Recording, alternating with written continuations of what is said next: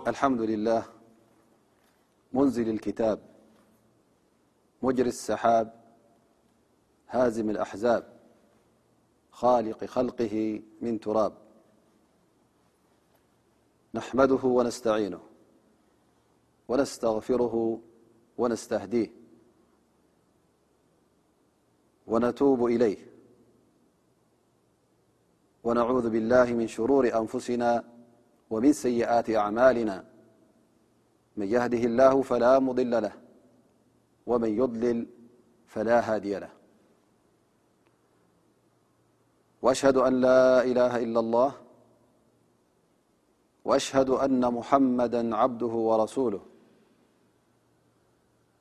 فصلاة ربي وتسليماته عليه وعلى آله وصحبه الغر الميامين وعلى من استن بسنته واقتفى أثره واتبع هداه إلى يوم الدين وبعد ዕዙዛት ተኸታተልቲ መደብ ትግርኛ ኣብ ተቪ ኣፍሪቃ ኣሰላሙ ዓለይኩም ወረሕመቱላሂ ወበረካቱ መደብ ተፍሲር ኣልቁርን ትንተና ናይ ቁርን እናቐፅልና ኢና ኣብ ዝሓለፈ ደርስና ሱረት ልፋትሓ ወዲእና እንሀ ሎሚ ሓዳሽ ሱራ ክንወስድ ኢና ማለት እዩ ሱረት ናስ ክንኣቱ ኢና ማለት እዩ እዛ ሱራ እዚኣ ኣብ መጨረሻ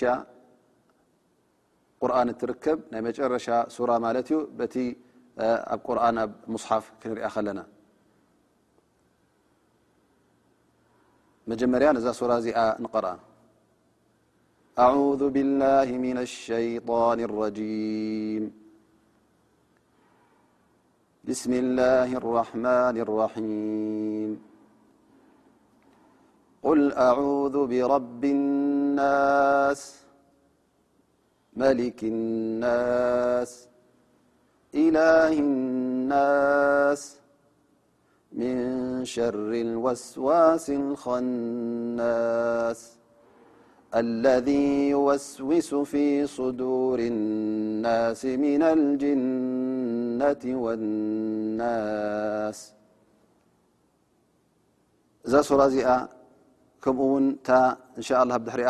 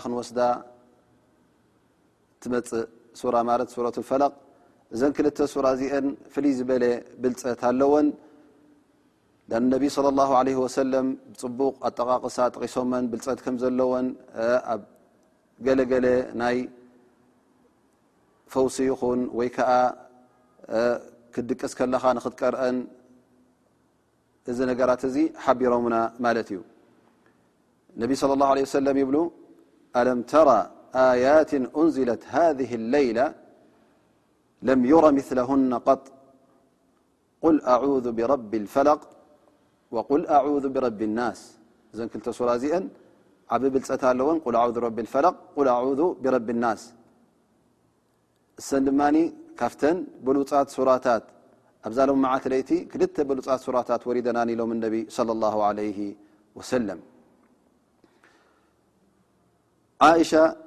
ረዲየላሁ ዓንሃ ትብል፣ ነቢ ሰለላሁ ዓለይሂ ወሰለም ክጽልኦም እንከሎ ነዘን ክልተ ሱራ ይቐርኡ ነይሮም። ማለት ቁል ኣዑዙ ብረቢል ፈለቕ ከምኡ ውን ቁል ኣዑዙ ብረቢ ናስ ቀሪኦም ኣብ ኢዶም ውን ቱፍቱፍ ኢሎም ናብቲ ነብሶም ይደርዙ ነይሮም ትብል ማለት እዩ። ምስ ሓመሙ እውን ኣነ ባዕለይ ይቐርኣሎም ነይረ። ምስ በርትዖም እቲ ሕማም ኣነ እናቀራእኩ ብኢዶም ገረ ነብሶም ይደርዞም ነረ ትብል ማለት እዩ እዘን ሱራ እዚአን እዘን ክልተ ሱራ እዚአን ኣላ ስብሓን ወተዓላ ፍልይ ዝበልፀ ዝበለ ብልፀት ከም ዝገበረለን ንርኢ ኣለና ማለት እዩ በል እነቢይ صለ ላሁ ለ ወሰለም ንዑቀይብ ዝበሃል ኣብ ዑቅባ ብንዓምር ዝበሃል እንታይ ኢሎሞ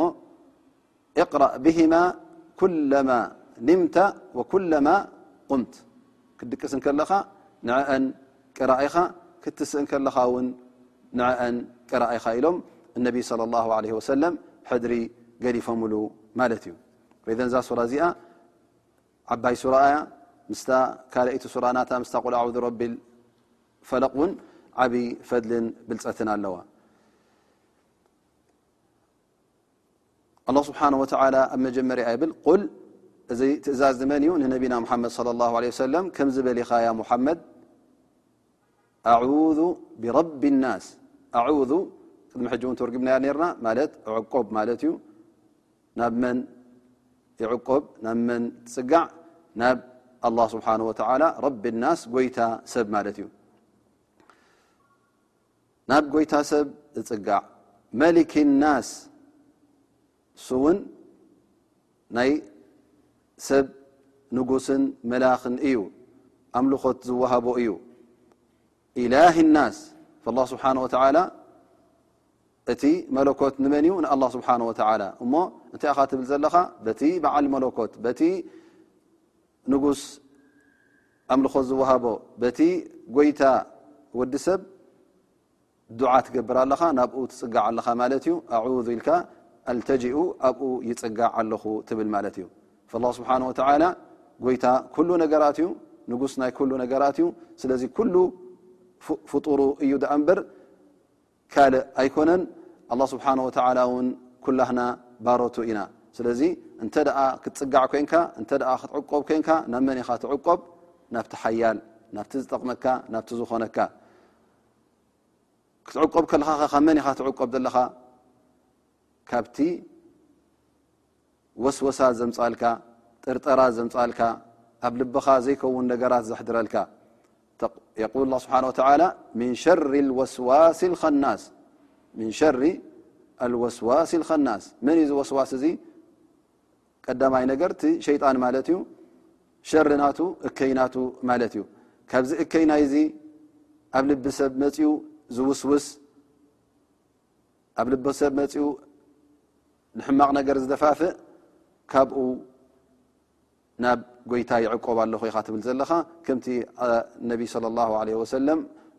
ዝኣዘዙኻ ምክንያቱ ኣላ ስብሓን ወላ ከምዚ በሎም ኢኻ ከምዚ በል ኢኻ ኢሎም ኣላ ስብሓን ወላ ንነቢና ሙሓመድ ኣዚዝዎም ማለት እዩ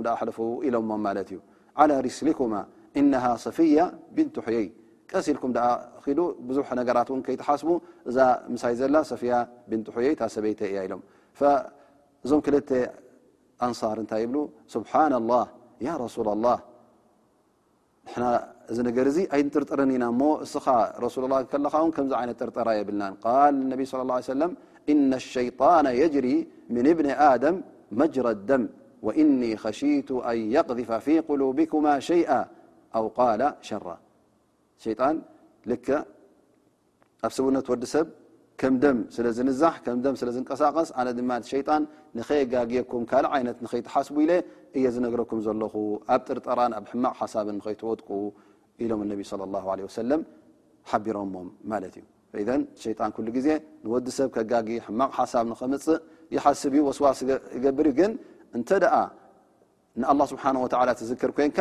ፈህዋ ከናስ ማለት ንድሕሪት ትምለስ ይሰዓር ኣብቲ ዘለዎ ቦታ ይተርፍ ማለት እዩ ስለዚ ይጠፍእ እቲ ወስዋስ ዝገብረልካ ዝነበረ ህልም ይብል ማለት እዩ ዱዓ ክትገብር ከለካ ሕጂ ዚ ኣብ እስትዓዛ ማዕቆባ ክትገብር እንከለኻ እንታይ ማለት እዩ ካብቲ ሸይጣን ናብ ኣላ ክትዕቆብ እንከለኻ ዚክር ክትገብር እንከለኻ እሱ ድማ ይጠፍእ ማለት እዩ ለذ ወስዊሱ ፊ ሱዱር ናስ ኩሉ ግዜ ኣብ ልቢ ሰብ መፅኡ እንታይ ይገብር ማለት እዩ ይውስውሶም ማለት እዩ እዚ ድማ ኩሉ ወዲ ሰብ ይውስወስ ማለት እዩ ዘይሕማቕ ነገር ይሓስብ ረቢ ዘይፈትዎ ነገራት ይሓስብ ስለዚ ካብዚ ሓሳባት እዚ ንክቃለለሉ እስትዓዛ ይገብር ማለት እዩ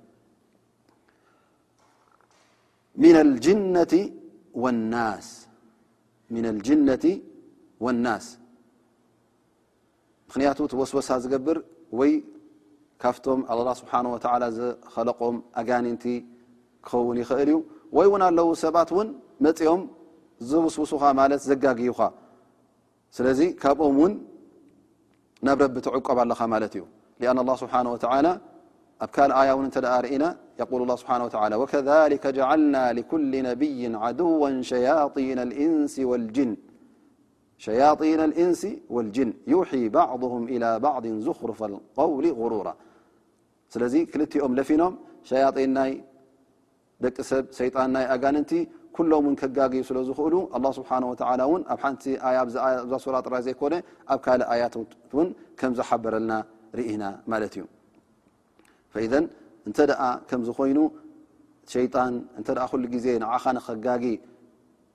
ዝጓየ እንተ ኮይኑ እንታይ ክትገብር ኣለካ ኣዑዙ ቢላህ ክትብል ኣለካ ብመን ብኣላ ስብሓ ወተላ ን ስብሓ ወላ በቲ ስማቱ ጌርካ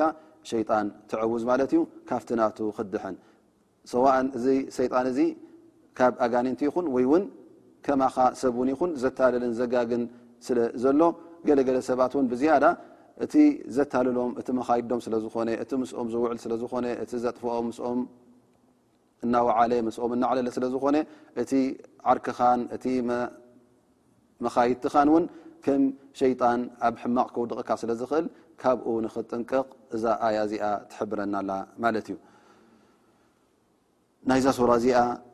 በዚ ልምደን ማለት እዩ እዛ ሱራ እዚኣ እስትዓዛ ከም ዘለዋ እውን ማለት ማዕቆባ ከም ትሓትት ዘለኻ ርኢና ማለት እዩ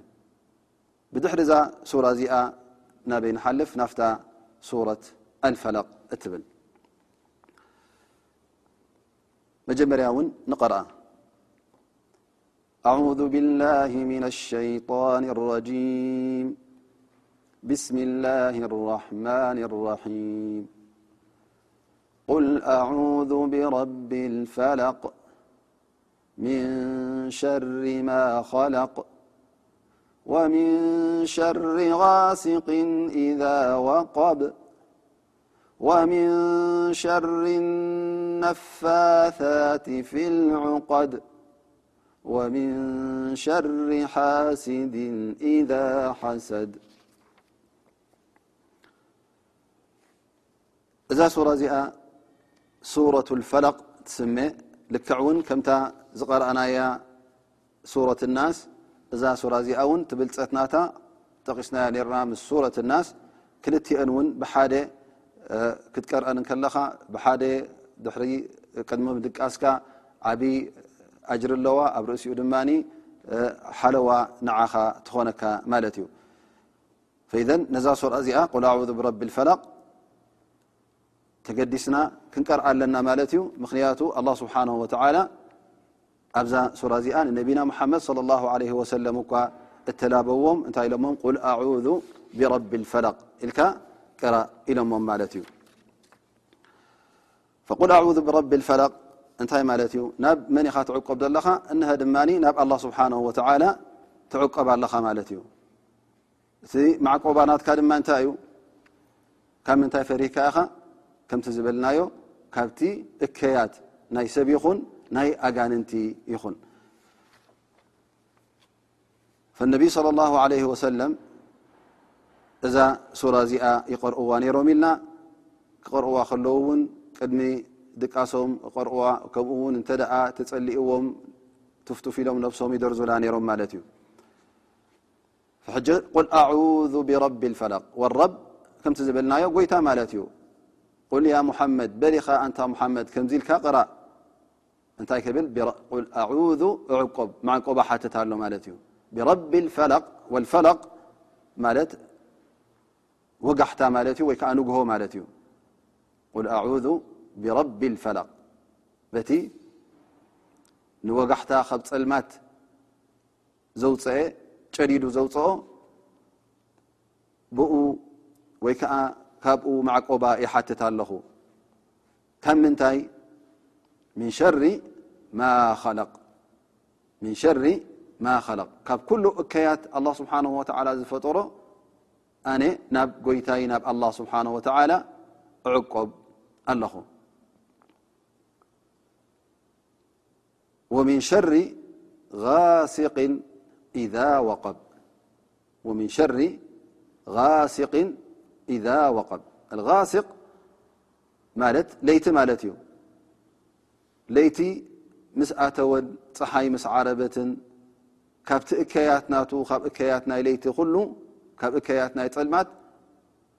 ናባኻ ኣንታ ጎይታይ እዕቆብ ኣለኹ ለይቲ ብጸልማቱ ምስ መጸ ናባኻ ይዕቆብ ምክንያቱ ለይቲ ዘጓንፍ ብዙሕ ነገራት ስለ ዘሎ ብዙሕ ሕማቓት ስለ ዘሎ ካብዚ ጸልማት እዚ ዝመጽእ ምስዚ ጸልማት እዚ ዝመጽእ እከያት ንኸየጓንፈካ ንኸይረኽበካ እንታይ ትገብር ኣለኻ ማለት እዩ ናብ ጎይታኻ ናብ ኣላ ስብሓን ወተዓላ ትዕቆብ ኣለኻ ማለት እዩ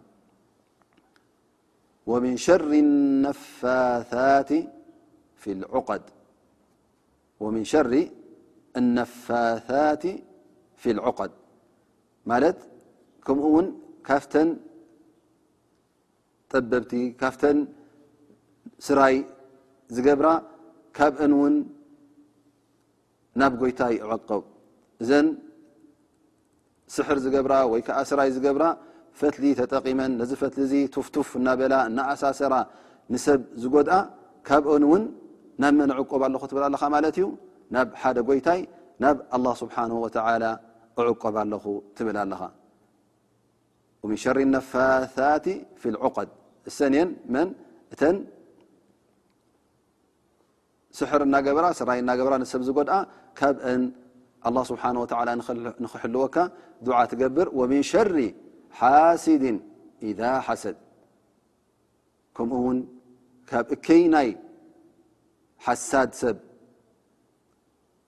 ካብ ቡዳ ካብ ብዓል ዓይኒ ብዓይኑ ዝሕስድ ሰብ ካብ ሓሰድ ናቱ ኣንታ ጎይታይ ናባኻ ይዕቆብ ኣለኹ ትብል ካብቲ እከያት ናቱ ሕማቕ ንኸይረኽበኒ ኣንታ ጎይታይ ናባኻ ይዕቆብ ኣለኹ ኣነ ብጀካኻ ካልእ የብለይን ማዕቆባ የብለይን ኣንታ ጎይታይ ንስኻ ኢኻ ማዕቆባይ ናባኻ እየ ድማ ድፅጋዕ ኢልካ ንኣላህ ስብሓን ወተዓላ ኣብዘን ኣያታት ዓቁበኒ ትብሎ ኣለኻ ማለት እዩ ተፍሲር ወይ ከዓ ትንተና ናይ ሱረት ፈለቅ በዚ ይድምደም ድሕሪ ሱረት ፈለቅ መቸም ሱረት እክላስ እያ እትመፅእ ሱረት እክላስ እክላስ ክበሃል እንከሎ እንታይ ማለት እዩ ንፅሕና ማለት እዩ ወይ ከኣ እቲ ንጽህና እዛ ሱራ እዚኣ ሱረት ልእክላስ ክትወርድ እንከላ ናታ ጠንቂ ኣለዋ ከምኡ እውን ናታ ብልፀት ኣለዋ ናይዛ ሱራ እዚኣ ሰበብ ዝጠቀስዎ ዑለማ ይብሉ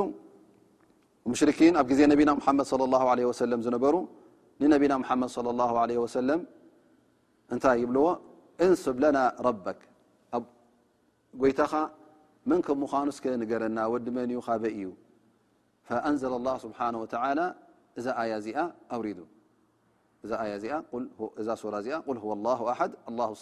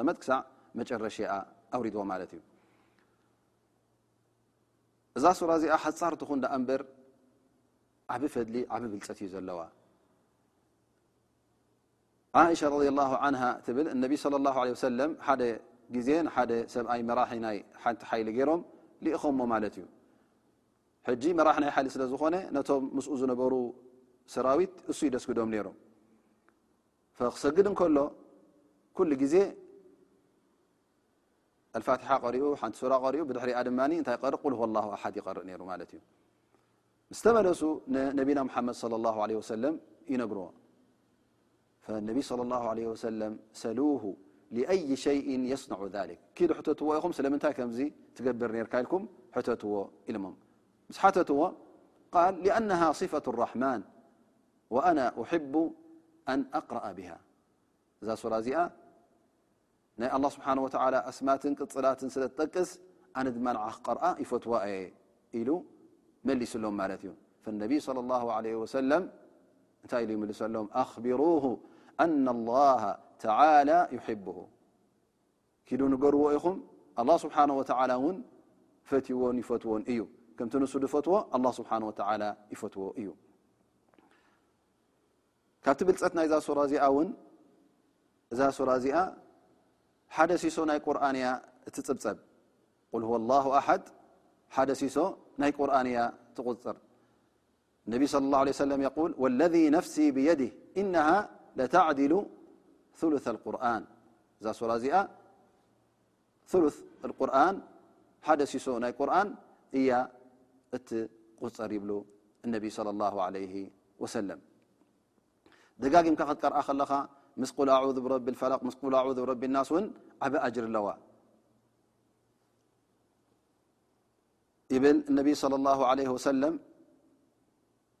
ክሰግዱ ከለዉ ኩሉ ግዜ ነዛ ሱራ እዚኣ ይቐርኡ ነይሮም።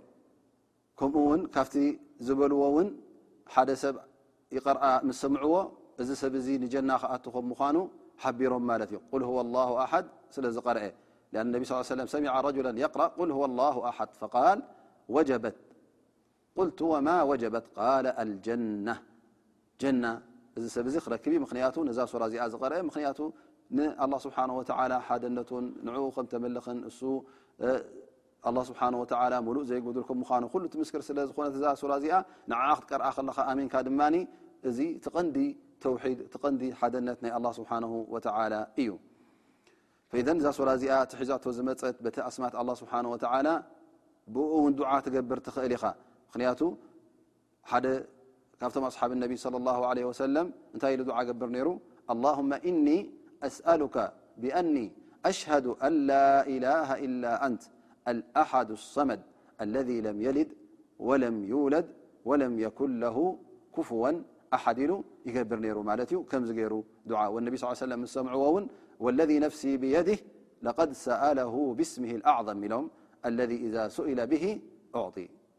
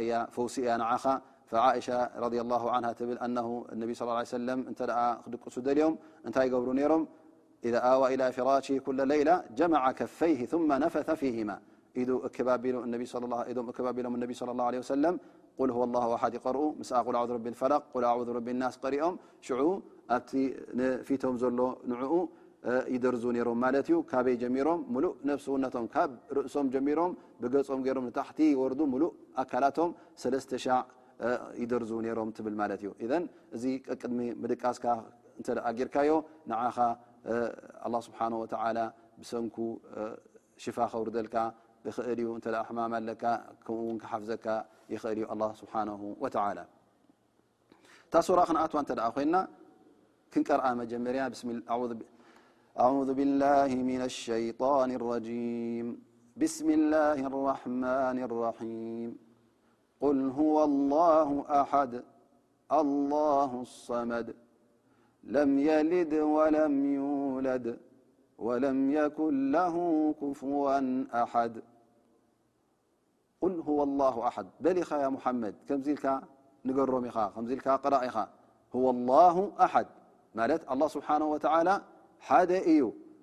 ተዳራጊ የብሉን ተወዳዳሪ ውን የብሉን